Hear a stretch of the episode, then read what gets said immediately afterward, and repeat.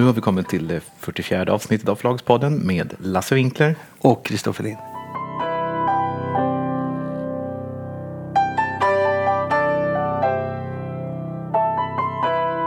Jo, vi har funderat lite grann på formatet på podden och diskuterat lite till och från hur vi ska göra med de här långa intervjuerna. De blir väldigt långa när vi plockar in folk.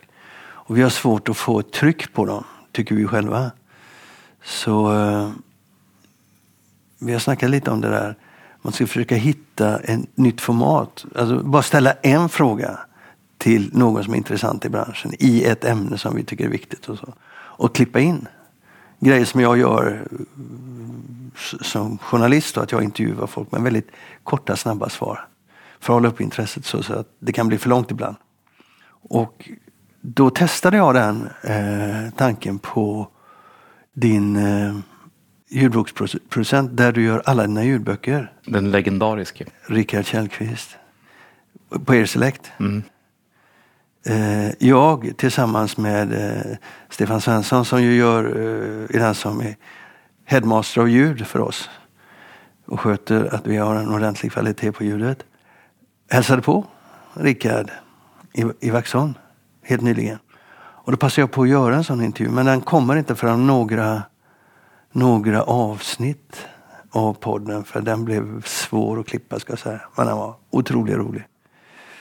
Och då berättade han, det här var en lång, lång, lång ingång till det som egentligen jag vill prata med dig om. Mm. Då berättade han att han numera jobbar i Norge. Och orsaken till att han jobbar i Norge är för att Lind Company har etablerat sig i Norge. Och han har gjort 123 ljudböcker i Norge i fjol för Lind Company. Mm. Och det tänkte jag, wow, tanken var att ni skulle göra 20 förra året sa han. Ja. You tror... want to talk about it? ja, nej men det stämmer. Vi har gjort eh, så många böcker eh, och det blir väldigt stressigt eftersom ljudböcker i Norge omfattas av bokloven. Alltså, de har ju då fasta bokpriser i Norge och det gör att man får inte släppa eh, nya format eller billigare format förrän ja, en, en viss period, ja, en viss efter, period ut, efteråt. Så det, det, och, då, kommit och då räknar de, eftersom streaming inte är, sker till ett fast pris, så menar de på att det är ett nytt format och sådär. Och därför så måste man då omfattas med de här böckerna av bokloven. Så det, det började med att vi gav ut vi gjorde några ljudböcker på norska och gav ut dem på Storytel. Och en av dem låg faktiskt etta på norska Storytel i flera veckor. Och då så upptäckte jag att den kunskap som vi har i Sverige kring ljudböcker. Eh, som, om jag får skryta lite, är vi ganska bra på det. Alltså, känslan för vad är det som funkar som ljud? Vad är, en ljudbok, vad, vad är det som gör en ljudbok bra? Eh, hur man, hur man liksom marknadsför dem, hur de funkar digitalt, allt det här.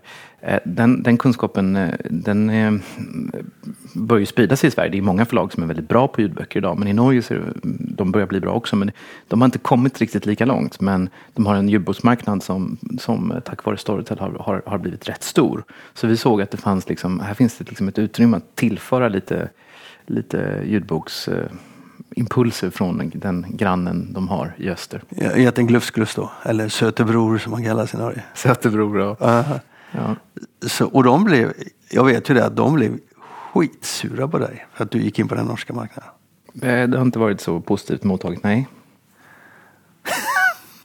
Apropå sken och verklighet, ja. Mm. Nej, de var skitsura och de om de hade kunnat så hade de stoppat dig. Ja, de gjorde allt de kunde faktiskt. Ja. Författare blev utskällda och så. Vi, vi har ju bara då, eh, hittills har vi bara gett ut böcker som har varit backlistböcker. Det har varit böcker som eh, förlagen inte har rättigheter till. Det har varit böcker som aldrig skulle kommit ut som ljud. Och då har vi kontaktat författarna och frågat, skulle ni vara intresserade? Och då har författarna sagt, jag måste fråga mitt förlag, jag vet inte vad som gäller avtalsmässigt. Trots att kanske det avtalen har gått ut för många, många år sedan. Och då blir de uppkallade till förlagen och så blir de utskällda, inkallade till redaktionschef och sådär. Så blir de utskällda och varför har ni med svenskan att göra? Det här ska ni inte ta i och sådär. något fall har det lett till ett, att en författare bytte förlag. I ett annat fall har det lett till att författaren inte kommer ut som ljudbok alls. Ehm, det är en ehm, oerhörd eh, ehm, konservativ värld där de stora förlagen sitter och håller på sitt och bygger murar mot de andra förlagen. Och eh, en väldigt oligopol eh, liknande struktur som, som, som inte är mottaglig för konkurrens utifrån.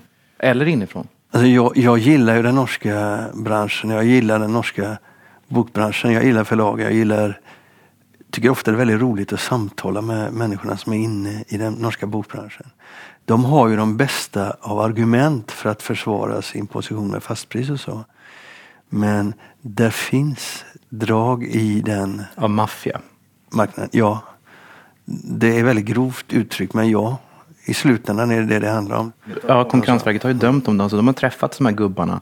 Eh, det är Gyllendal, Askehaug och Kapellendam. Och så gör de upp bakom stängda dörrar, dödar konkurrenter och liksom delar upp marknaden mellan sig.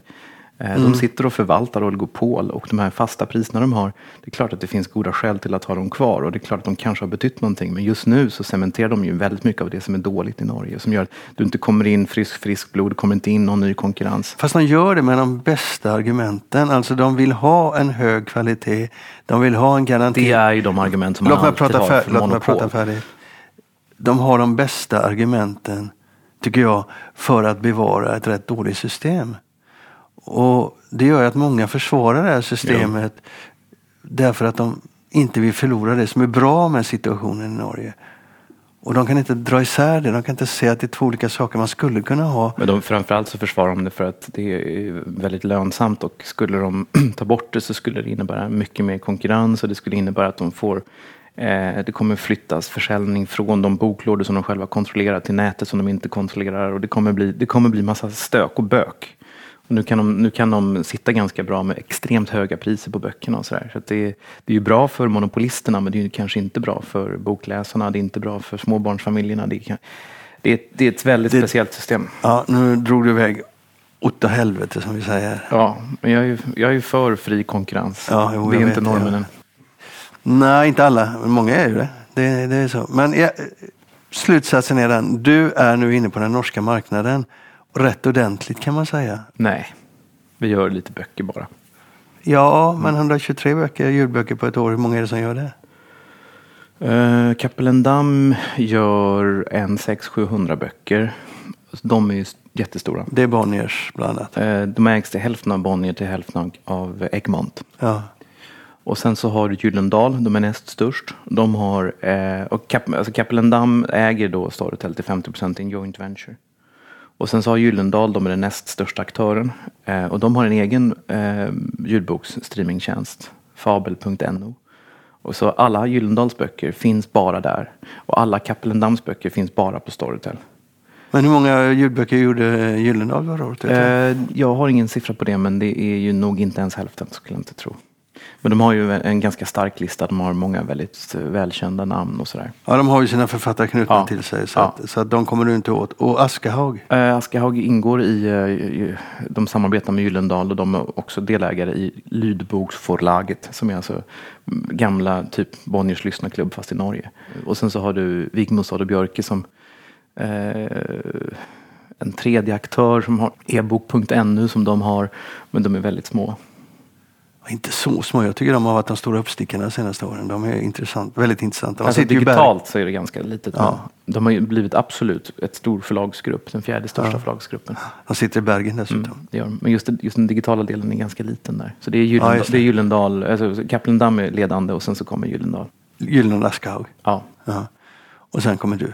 Nej, nej, jag vet inte. Orsaken till att du kan göra 123 böcker i Norge har ju att göra med att Rickard Källqvist har sagt upp, satt upp en operation i Oslo som eh, har klarat av att göra 123 böcker på en marknad där det inte har funnits så mycket. Mm, och där har vi stött på andra motgångar av ett oväntat slag. Eh, och det är ju att i Norge så har skådespelarna varit mycket svårare att samarbeta med. Det har varit mycket svårt att få skådespelare att läsa. De är upptagna med att spela Ibsen på Nationalteatret och sen så har de icke tid. Eh, och sen så börjar de läsa två böcker i en serie på fyra och sen hoppar de av för de orkar inte mer. Och så, där.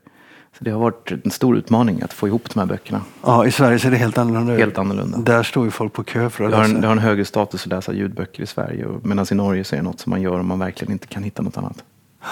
Och arbetsmoralen har, bland de norska skådespelarna har varit låg. Mycket så att de ställer in i sista minuten. Och så här.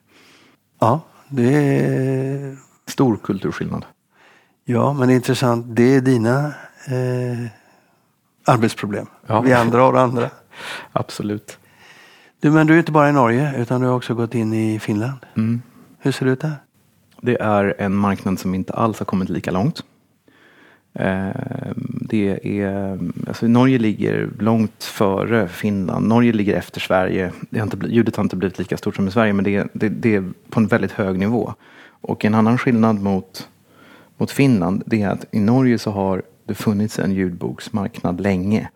Eh, ljudboksförlaget har varit väldigt stort. Alltså man har producerat ljudböcker precis som vi har gjort i Sverige. Eh, och det kanske till och med varit ännu större i Norge än i Sverige. Så det har funnits ett, ett invant beteende att lyssna på ljudböcker och det har funnits väldigt, en väldigt stor backlist. I Finland ser det inte alls ut så. Utan eh, Det är klart att det har funnits men det har aldrig blivit så stort. Så att i Finland så handlar det dels om att man ska liksom få folk att, eller man ska liksom etablera streamingtjänsterna men också att, att man ska etablera delvis ett nytt beteende.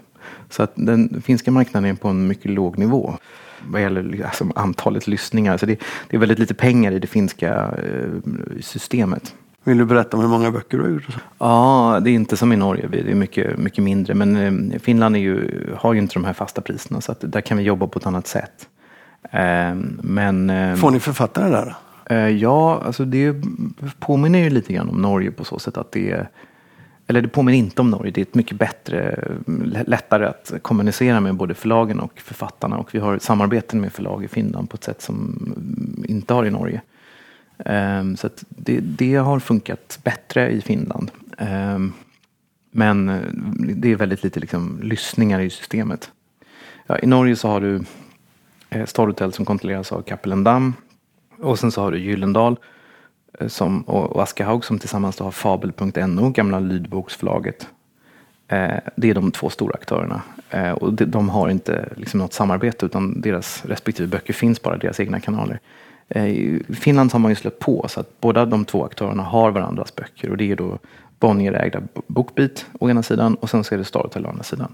Och bägge de två plattformarna har alla böcker som finns? Ja, idag har de det. Men det, det var inte så initialt utan när när man startade, när Bookbeat startade så släppte de inte på Bonnierförlagens böcker. Bonnierförlagen är då naturligtvis även i Finland det största förlaget. Det är både Tammi och, och eh, Vesoy. Uh-huh. Och de hade även konstigt nog något slags samarbete med Ottawa. Så att Ottawa liksom slog sig ihop med dem i den där alliansen. Så att de hade bara deras böcker, vilket gjorde att Storytel hade initialt lite problem med att etablera sig.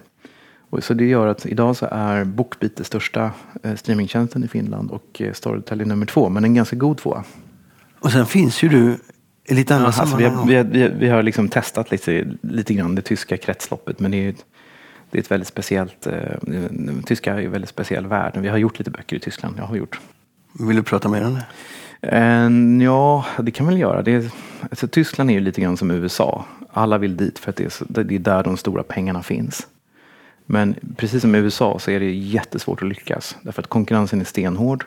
Och sen så finns det en gammal dagsaffärskultur. Allt går långsamt. Eh, allt är svårt, allt är komplicerat. Eh, och eh, sen är det liksom stentufft. Eh, och framförallt så är Tyskland eh, skiljer sig då från de här andra länderna eftersom i Tyskland så är ehm, Ja, det är väldigt speciellt. Den tyska ljudboksmarknaden är större än hela den svenska bokmarknaden totalt sett. Wow! Mm. Eh, den omsätter en 4-5 miljarder. 4 miljarder. Och eh, det är en gammal marknad. Den har funnits länge. Det har funnits specialiserade ljudboksförlag i Tyskland länge. Eh, men eh, de, de, är, de har mycket högre nivå på inspelningarna. Eh, det är liksom inte bara så att man går in i en studio och så, utan de, ofta har man en regissör med sig Eh, och ehm, man håller väldigt hög nivå. Liksom. Och du, man låter olika skådespelare provläsa olika böcker för att det ska bli perfekt röst och sådär. Så allting, det är väldigt, väldigt dyra eh, inspelningar. Och sen så är det väldigt vanligt också att man gör gestaltade inspelningar. Alltså inte bara att man eh, läser boken rakt av utan att man gör liksom radioteater av det och har olika röster och sådär. Mm. De största tyska skådespelarna som läser de största böckerna de kan få flera hundratusen för att läsa en bok. Sen så har du de okända naturligtvis får mindre. Så, så det, det, vi, har, vi hade exempelvis bara som en rolig eh, insyn om hur olika det är. Eh, verkligen hur olika det är i olika länder. Så hade vi väldigt svårt att hitta liksom, en studio som, som, som kunde sänka nivån. Alltså I Norge har det ju varit, handlat om att höja nivån. Men i Tyskland har det handlat om att sänka nivån. För att de, de kan inte förstå att vi inte ska ha en, en regissör med och sådär. Vi har en spännande lista där. Eh, vi har några bra böcker. Vi har köpt från olika, I Tyskland köper man bara från förlag. Det har visat sig gå ganska smidigt. Vi har även köpt från några stora förlag. Ehm, så det, på så sätt så är det väldigt spännande och bra. Men sen är det en knepigare distribution eftersom av de här fyra miljarderna så är fortfarande 60-70 procent fysiska CD-skivor. Förstår du? Ja, jo, jag förstår. Det görs fortfarande audiobilar i Tyskland för den tyska marknaden med CD-spelare i. Och det gör ju att alltså, digitalt så kan man komma in och, och liksom Stream. etablera sig i olika länder. Men när det gäller fysisk distribution så är det helt omöjligt. Då måste du in i liksom ett befintligt system. Och i Tyskland är också distributionen väldigt svår därför att det finns liksom, olika delar av Tyskland fungerar lite olika. Eh, så att eh, det finns olika bokhandelskedjor och så här. Så det där är en, liksom en helt, helt omöjlig grej. Så att det tyska caset handlar lite grann om att de, de måste digitaliseras. Och när de digitaliseras så kommer det ske förändringar i konsumtionsbeteendet som påminner dem som vi har sett i Sverige. Eh, och det kommer de tyska förlagen inte förstå. Men det, det är ganska långt dit. Och sen har vi ytterligare en aspekt i Tyskland som är avgörande och det är att Audible som är den största aktören inte tillämpar streaming. Ja, det är styckpris det. Det är styckpris och det, och det gör ju då att du får ett helt annat konsumtionsbeteende. Dels så streamingen är ju överlägsen ur ett användarperspektiv så att när du får streaming så kan du få en väldigt stark tillväxt. Men downloads är ju väldigt lönsamt eh, för förlagen framför allt. Och eh, eh, det är starka incitament till att inte ändra det systemet. Men, men det, är, det är också ett system som är väldigt svårt att ta sig in i utifrån. Och det är också ett system som gör att folk oftast köper det de redan känner till. Eh, och det är de stora författarskapen redan etablerade som också blir väldigt stora. Så du ser inte den här rörligheten där man testar nya författarskap som streamingen har inneburit. Så hur har det gått för er med de böckerna? Alltså det är för tidigt. Vi har bara, vi har bara släppt två titlar eh, och vi släppte dem ganska sent. Så det är alldeles för tidigt att se. Men det är, Tyskland är en spännande marknad som är väldigt svår. Eh, och eh, nu så har ju Bookbeat etablerat sig där. Nextory ska dit. Vi har höga förhoppningar till dem. Hoppas väldigt mycket på att de ska växa starkt och framförallt att streamingen ska ta fart. Men du, du har alltså tänkt att bli en, en äkta europé? Jag hade alltid drömt om. Ja, och ge mm. ut böcker i hela Europa. Nej, men...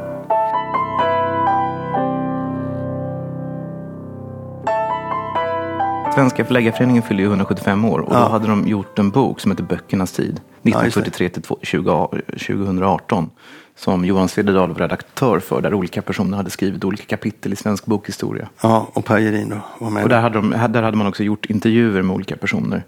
Bland annat Per Gedin. Ja, just det. Och där så säger Per Gedin bland annat så här citat, det citerar jag i Svensk Bokhandel då. Branschen idag? Frågetecken. Jag kan ärligt säga att jag inte förstår den. Problemet är läsarna. Det bildade borgerskapet finns inte längre och ingen annan grupp som skulle kunna bära upp läskulturen har anmält sig. Böckerna har heller ingen tydlig plats i röran av medier. Försäljningen sjunker successivt. Och sen så har Svante Weiler fått en avskedsintervju i DN där han berör samma sak. Där han får frågan eh, så här. Men tänkte du inte kanske, ska jag ändå stå kvar och kämpa lite nu, alltså i dessa tider, när han lägger av? Och det har jag tänkt på varje dag, säger han, Sedan jag startade det här förlaget. Sådant sliter. Men nu, mer än förr. Idag säljs bara hälften av den kvalificerade översättningslitteraturen som står för en stor del av mina böcker jämfört med när jag startade förlaget. Och så får han då följdfrågan. Varför då? Jag kan bara konstatera en räcka förändringar. Som att det för 25 år sedan fanns ledande kritiker på ledande tidningar som fick folk att gå till bokhandeln. Den auktoriteten är så mycket mindre nu och resultatet är att en god romans förmåga att utan ett avgörande pris eller någon annan typ av skandal att samla en större läsekrets runt, det har minskat enormt. Det var lite hackigt där, men du, du fattar? Mm, jag fattar. De två, eh, det är två sanna reflektioner. De är lite smala. Det finns mycket att säga i de här frågorna. De är lite pessimistiska. Ja, det är två pensionerade kulturmän som eh, är bittra över samhällsutvecklingen. Ja. Och eh, jag tycker att det är Alltså, nej, jag är väldigt dubbel inför det de säger. Därför att å ena sidan så säger de saker som jag själv upplever. Men det här är ju också en utveckling som är tvetydig. Alltså, allt är inte nattsvart. Och eh, det intressanta med Per Gedin är att han, han talar om att det, det bildade, den bildade borgerligheten inte längre finns. Det är en teori som han eh, för fram i Litteraturen i verkligheten, en bok som han skrev på 70-talet. Eh, det var en förlagskris i början på 70-talet. Och eh, det finns faktiskt likheter med dagens kris, så att säga. För det var väldigt mycket en, en litteraturkris snarare än förlagskris. Det var, den kvalificerade litteraturen hade svårt att nå ut och sådär. Och då skrev Per Gedin en debattartikel i Expressen. Och eh, i den debattartikeln, ska se om jag hittar det här, så eh, menade han att det rådande kulturklimatet var så svårt att inga förlag längre kunde ha en bred litterär utgivning. Eh, och det här satte igång en, en debatt just om att, att eh, det är en alldeles för stark popularisering av bokmarknaden och det kvalitet, kvalitetslitteraturen trängs undan och sådär. Det var inget nytt med andra ord? Fast det är två olika, helt två olika marknader då? Det är två helt olika marknader men jag, jag, liksom det är så väldigt svårt att kvantitativt jämföra och säga är det värre nu än vad det var då? Hur ser det ut? och sådär. Det är väldigt svårt att säga. Men jag, jag bara menar på att det Per Edin har klagat på den bildade borgerlighetens förfall sedan, sedan 60-talet. Alltså eh, försäljningen har ju inte minskat sedan 70-talet utan det är ju det att eh, medelupplagorna har sjunkit. Ja, men de har både ökat och sjunkit sedan 70-talet. Så vi, vi, har sett toppar sedan dess också. Ja, det har vi gjort. Men låt oss inte fastna i det, utan låt oss fundera lite bredare, tänker jag. Det där blir flummigt då. För att det finns tankar hos bägge de här människorna utifrån deras erfarenhet av branschen och utvecklingen. Eh, som är intressanta att fundera runt. Jag tycker att de blir väldigt eh, pessimistiska och lite väl ensidiga. Jag funderar själv på hur vi håller på när vi pratar. Jag är rätt grinig på eh, litteraturkritikens situation i Sverige idag. Och så jag satt och tänkte på det här eh, i jul. När jag läste de här grejerna första gången så tänkte jag hur jag ser på det där. Jag saknar fristående litteraturkritiker som intresserar allmänheten med sina synpunkter. Det finns ju några. Som, jag menar, när det gäller massmarknadslitteraturen så, så är ju Lotta Olsson väldigt läst. Idén. Idén, ja. Även om hon då gör korta grejer. Hur vet du att hon är läst? Det märker jag i, i miljön runt mig då. Och den är, den är ju som den är. Det är ju ingen absolut eh, genomsnitt av svensk befolkning. Men det är inte Stockholm, det är Göteborg. För jag tycker hon, eh, om vi ska ta det som ett konkret exempel på någon som du tycker är bra och som gör en insats. Så tycker jag att hon är en väldigt bra person. Hon är, hon är, hon är duktig och hon skriver bra. Eh, det finns en bra ton i hennes resonemang och sådär. Men de här små recensionerna hon gör, och det är huvudsakligen det hon gör. De är helt ointressanta därför att hon ska ju bara syssla med lästips. Och det gör att hon, det finns ju ingen kritik så att säga. Det finns ingen eh, Ja, det är sant. Det, finns, det, finns, det, finns, det, all, det är helt ointressant vad hon tycker om en bok. För hon tycker alltid att allting är bra. Och när hon eh, ska säga något bra om eh, eh, Sofie Sarenbrant så säger hon så här, det här är ett citat. Sofie Sarenbrant har problem med språk och gestaltning. Men hon är fenomenal på att förmedla en samtidskänsla. Slutcitat. Och vad hon säger där det är ju i stort sett att det här är skit men det finns någon samtidspuls. Mm. Eh, och det, och liksom det, det blir bara ja, det här var ett sidospår, men jag, jag, tycker inte att hon är ett bra exempel på god litteraturkritik. Hon är ett Nej. exempel på en kompromiss. Nej, där, man, är, ja. där, man, där man i en litterär värld försöker bredda sig. Som man måste göra också. Alltså, tittar man internationellt återigen då, ett sidospår då. I USA är det ju så att där har litteraturkritiken och bokbevakningen ökat. I vad heter det, tidskrifter som The Atlantic, eh, New York Magazine, i eh, New Yorker, i New York Times, även på andra ställen, så har nu litteraturkritiken fått en centralare roll och boken har blivit mycket synligare vilket kan ha en viss betydelse för utvecklingen av försäljningen i USA. Absolut. Men jag, jag har ju varit på de här konferenserna eh, för några år sedan när, när man diskuterade litteraturkritiken och man var väldigt, väldigt defensiva och tyckte att allt var hopplöst, att det inte fanns någon framtid. Du vet, det är inte så många år sedan man la ner och minskade till exempel Eh, Los Angeles Times drog ner och, och, och stora dagstidningar minskade otroligt mycket på sin bokbevakning och alla trodde nu var domedagen här. Va? Vad vi ser nu det är en, en annan utveckling där du får väldigt mycket mer respons för, och Slate Magazine är också sånt, eh, det är ett digitalmagasin, har mycket, mycket mer bokbevakning nu än tidigare. Och där diskuterar man också det. Hur ska den moderna litteraturbevakningen se ut? Och det var därför jag gjorde den här omvägen lite. Komma tillbaka Absolut. till det vi snackade Sen är ju litteraturkritiken är ju inte, det är ju en plattform, det är en väg ut till läsarna. Det är en, en, liksom, en pelare som bär upp det här kvalificerade och ett samtal som behövs, behöver föras för att de här böckerna ska kunna hitta sina läsare och kunna ges ut av förlagen. Eh, en del av det här kretsloppet, men det är bara en del. Sen finns ja. ju den välsorterade bokhandeln, eh, det bildade samtalet. Det, alltså det, finns, det, är, det är så många plattformar här som måste till. Det är, ja, inte, det, finns det, ju... det, är inte så att, det är inte så att hade vi lite mer litteraturkritik så skulle Svante Weilers förlag blomstra. Nej, det, alltså det är hela ekosystemet där. Men låt oss inte bli alltför flummiga utan hålla oss lite där. Slate Magazine pratar ju då om vilka nivåer de ska föra bevakningen av böckerna. Du har litteraturkritiken, den kvalificerade. Du har eh, den snabba eh, vad heter det, anmälningen om du så vill. Du har intervjuerna, lite som du har sett här i Sverige också, men mycket mer utarbetat, mycket mer genomtänkt där. Därför att, och det är viktigt, de tänker vad ska vi göra och varför ska vi göra det här? Och så försöker de ta in det i samtiden. Och så tittar vi tillbaka till Sverige då, vi har inte det samtalet. Vi hade, jag vet inte om du kommer ihåg det i höstas, det var det en, litteratur, en, en kritiker som gick ut och, och var väldigt kritisk till att alla kotterier som finns runt litteraturkritiken i Sverige. Man är rädd för att stöta sig med sina vänner och, och de etablerade sammanhang man är i. Därför blir man gärna rätt med sig i sin kritik och man väljer att inte så att säga, ta sitt jobb på allvar. Och det där har ju alltid varit litteraturkritikens problem, att de här kotterierna, ett litet land som Sverige, så satt jag där och funderade runt det där. Och jag blir inte så deppig som Svante Weiler, men han gör det för att han jobbar med det och ser att han får inte in pengarna. Jag tänker så här istället då att vad skulle man kunna göra för att få, få, få, få fram en ny litteraturkritik? För nu skolas ingen ny litteraturkritik på, i medierna längre för att, som det gjorde förr då. Jag menar halva litteraturbevakningen eh, i Stockholm det är ju gamla göteborgare som sköter som har flyttat upp till Stockholm. Men var finns morgondagens litteraturkritiker? De, de fostras inte på DN eller Svenska.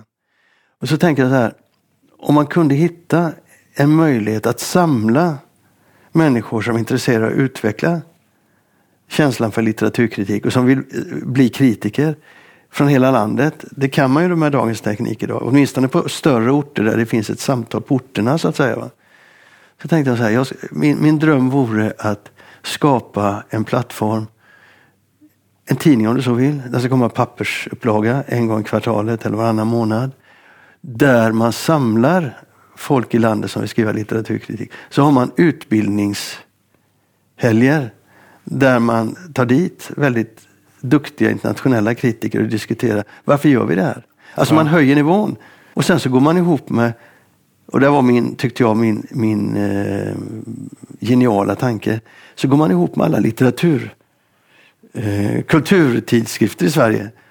Och så ger de tillgång till det här eh, materialet. Ja. Men samtidigt så trycker man det själv. Ja. Så vem ska betala det är ju frågan då. Ja. ja, då är det ju mecenater då. Ja, nej, men du har löst uh, ytterligare ett problem här. Yes. Det, hör jag, det hör jag ju. Ända eh, tills si, till min sambo då, Siri som är ordförande för kulturtidskrifterna i Sverige ja. harklade sig där över frukostbordet så gav mig några eh, saker som fick mig att tänka efter. Så insåg jag, ja det var en bra dröm. Ja, men sen om man ska koppla lite grann till både Per Edin och eh, Svante Weilers resonemang så är det ju också så att eh, jag tror att man ofta över, idag överskattar litteraturkritikens betydelse.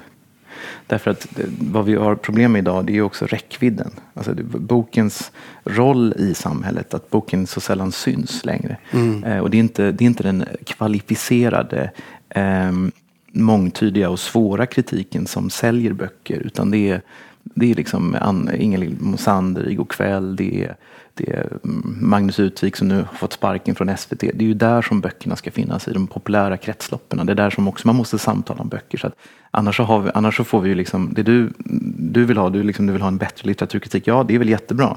Men det innebär ju också att vi har en en eh, eh att, att litteraturkritiken blir någonting som är en angelägenhet för några få. Ja, men jag, nej, ja, fast den måste också finnas. För det här sprider sig som Nu ringar på vatten. flummiga här, nu ja, måste vi- ja, vi måste runda av här tror jag. Nej, Men, men, men hur som, vi kommer tillbaka till de här igen sen. Men Ja. jag tror ju att man måste fundera, och sätt, sätta sig ner och fundera, hur ska vi ha det idag? För visst, den borgerligheten som Per Gedin efterfrågar, den finns ju inte längre. Men det ser, det ser bara annorlunda Jag ut. undrar ibland om det någonsin har funnits. Jag undrar, det här går ju inte att, på något sätt bevisa eller så, men det är så svårt att mäta. Men eh, eh, det är klart att det fanns en bildad borgerlighet i början av, början av sekelskiftet, alltså 1900-talets början. Men den var ju så fruktansvärt liten. Alltså det var ju en, en liten elit som var, som var liksom en, en 5 procent av Sveriges befolkning. Det är fler som läser idag. Det är otroligt mycket fler som läser idag och jag tror att vi ibland romantiserar hur det var förr. Och sen ska man också komma ihåg att Sverige har aldrig varit ett stort kulturland. Vi har alltid varit ett, liksom ett ganska fattigt land. Eh, början av 1900-talet fanns det mycket nyrika människor. Eh, våran, alltså det fanns inte liksom eh, kult, stora starka kulturbärande skikt. Vår adel var fattig och ägnade sig åt jakt och fiske. Jag tror att liksom den, här, den här bildade borgerligheten är, är delvis också en romantisk förljugen bild av ett Sverige som kanske var väldigt litet. Så kan det vara. Men Svante Weiler är ju här och nu och han har ju känt detta in på kroppen när han har gett ut den här typen av litteratur som inte säljer. Nej, men jag Som tror kräver att, en bildad- Jag, jag, jag tror att, de, jag tror att de, de sätter ju fingret på någonting. Vi har ju talat om det i podden också. Under hela 2017 har vi talat om det. Och förlag som har sysslat med det kvalificerade och framförallt översatta som Brombergs har fått det väldigt tufft. 2018. Ja, 2018, förlåt. Jo, nej, det är helt sant. Och, och, och, man, man kan hela tiden ta upp de här, man ska ha nya vinklar i och för sig. Men jag tyckte det var intressant att ändå fästa blicken på Ja. de här två männen Ja. som har varit viktiga i bran- bokbranschen. Jag tycker de har varit viktiga i bokbranschen. Eh, de säger intressanta saker. Eh, Men eh, jag tänkte då avsluta med att läsa upp för dig ett citat av en annan kulturman som, som säger liknande saker som, som Svante och. Eh, Men några år tidigare. Och Några år tidigare än Svante eller Per Edin. Några år tidigare än de två. Okej, Alltså de har ju kommenterat detta nu. okej. Och eh, jag läste då eh, det här. Och det här är också en författare som klagar på bristen på bildning, att populärkulturen håller på att liksom ta över och sådär. Eh, och eh, han, har, han har jättesvårt för att romanen håller på att bli en konsumtionsvara vilken som helst. Eh, för oftast då så, så rör det sig om populärkultur som inte har mycket att lära ut och där författaren tvingas följa vissa oskrivna regler. Och då skriver han, eller säger han så här, citat, detta kommer dock den seriösa och verkligt begåvade att lyckas sämre med. Och det är liksom de sämre författarna som kommer nå ut. Liksom. Eh, och han är också väldigt bekymrad över, just han, han säger så här, citat, det massan gillar kommer att sprida sig över alla gränser, vilket vi redan nu ser. Och det är då negativt. Och sen så är han mycket bekymrad också över mass, den massmediala kulturen. Eh, för att den liksom eh, den bara brusar och gör att vi inte kan ägna oss åt det som är viktigt utan våra, liksom, vår uppmärksamhet bara fångas av det, det flyktiga och sådär. Och då skriver han så här. Det där ostörda, intuitiva, sömngångaraktiga skapandet som är förutsättningen för att något stort ska komma till är inte längre möjligt. Våra nuvarande talanger sitter alla på offentlighetens reklampelare. De upp till 50 dagstidningarna och allt skvaller de medför förhindrar att något vettigt uppstår. Den som idag inte håller sig borta från det och isolerar sig frivilligt är förlorad. Visserligen leder alla dessa estetiska diskussioner och kritiker till en slags massornas halvbildning. Men för den skapande talangen är de dunster i ögonen ett droppande gift som förstör det träd som skapar kraften är. Från de gröna bladen till djupt in i märgen och minsta fiber. Så det är så grinigt och det är så, så fruktansvärt sorgligt. Så att min utgångspunkt är att ska jag isolera det här till någon Ja, så måste den personen ha suttit i Svenska Akademin. jag skulle kunna gjort men har inte gjort det. Då är Knut Arnlund borta. Ja. Eh, till en eh, stockholmare. Nej. Okej. Du kommer aldrig kunna gissa vem det är. Så att, eh, du får gissa när det här sa, sades istället. 1959. 1959. Det här sa Johan Wolfgang Goethe på 1820-talet. Du luras, det var inte ens en svensk. Jag fick inte, fick inte vidga Och tanken. Det här är citat ur boken Gespräche mit Goethe in den letzten Jahren seines Leben. 1835. Fast han dog 32 så det här är liksom nedtecknat efteråt. Då är det... Du, Och vad vill jag säga med det? Ingenting Jag vill är säga, nytt under solen. ingenting är nytt under solen. Kulturmän har alltid klagat på tidens utveckling, förflack, förflackning, den bristande bildningen, att folk bara ägnar sig åt nöjen och att ungdomen inte var som den var förr. Och det kan ligga någonting i det, men det kan också vara så att framtiden inte bara är becksvart. Nej. Visst var det lite kul? Det var jävligt kul.